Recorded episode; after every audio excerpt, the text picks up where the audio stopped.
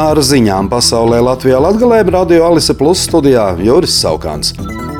Gatavojot kārtējo ziņu izlaidumu pagājušās nedēļas ceturtdienā pirms Līgo svētku brīvdienām, man tāpat kā daudziem neprātā nenāca, cik interesanti un spraiga izvērtīsies nedēļas nogale Krievijā.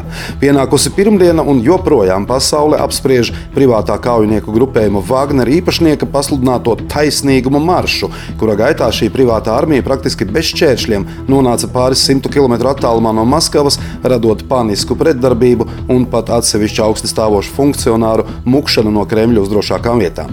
Pilns notikumu izklāsts un chronoloģija prasītu vismaz pāris stundas, taču nosaukšu būtiskās lietas, ko parādīja šī nedēļas nogale un par ko ir vienisprātis lielākā daļa analītiķu un komentētāju. Pirmkārt, sacelšanās mēģinājums un veids, kā tas tika apturēts, atklāja reālas plaisas Krievijas līdera Vladimira Putina un viņam pietuvinātās elites autoritātē, jo parādīja, ka Krievijas iedzīvotāji klusībā piekrīt algotņu grupējuma Wagner vadītāja Jevgeņa Prigožina teiktajam par Ukrainas kara safabricēšanu identificētajiem iemesliem un mērķiem, kā arī tam, ka šajā valstī, proti, Krievijā, ir nopietnas problēmas ar korupciju un tās ir jārisina. Otrkārt, tajā pašā laikā vismaz pagaidām ir neiespējami prognozēt, cik nopietnas pārmaiņas Krievijas iekšpolitikā un kara turpinājumā būs nesis šis incidents. To rādīs laiks. Treškārt, lai arī gan Krievijai draudzīgās, gan nepārāk draudzīgās valstis taisnīgumu maršu cenšas korekti saukt par Krievijas iekšēju incidentu, taču starp rindām šajos vēstījumos ir skaidri nolasāma doma, ka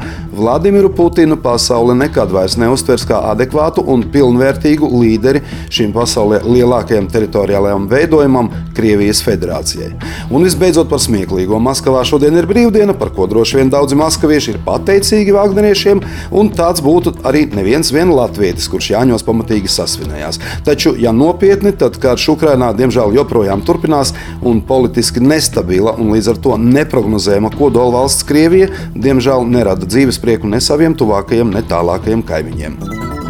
Citi jaunumi Vācijas aizsardzības ministrs Boris Pistorjovs pirmdienu Viļņā paziņoja, ka Vācija ir gatava Lietuvā dislocēt 4000 karavīru brigādi, lai nostiprinātu NATO austrumu flangu.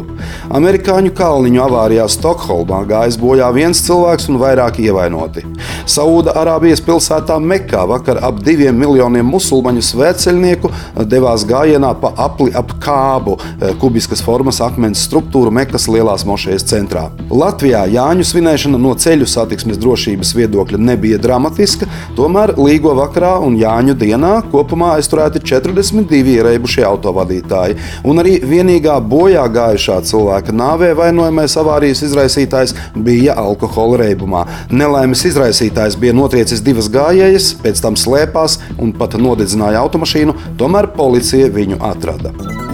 Jēkabils novada biržu iedzīvotāji sūdzas par smakām no cūku fermas, un 12. jūlijā biržu tautas namā iecerēta attiecību noskaidrošana ar sabiedrības Miķelāni Bekons pārstāvjiem, kuras darbības rezultātā biržos izplatās nelāgā smaka.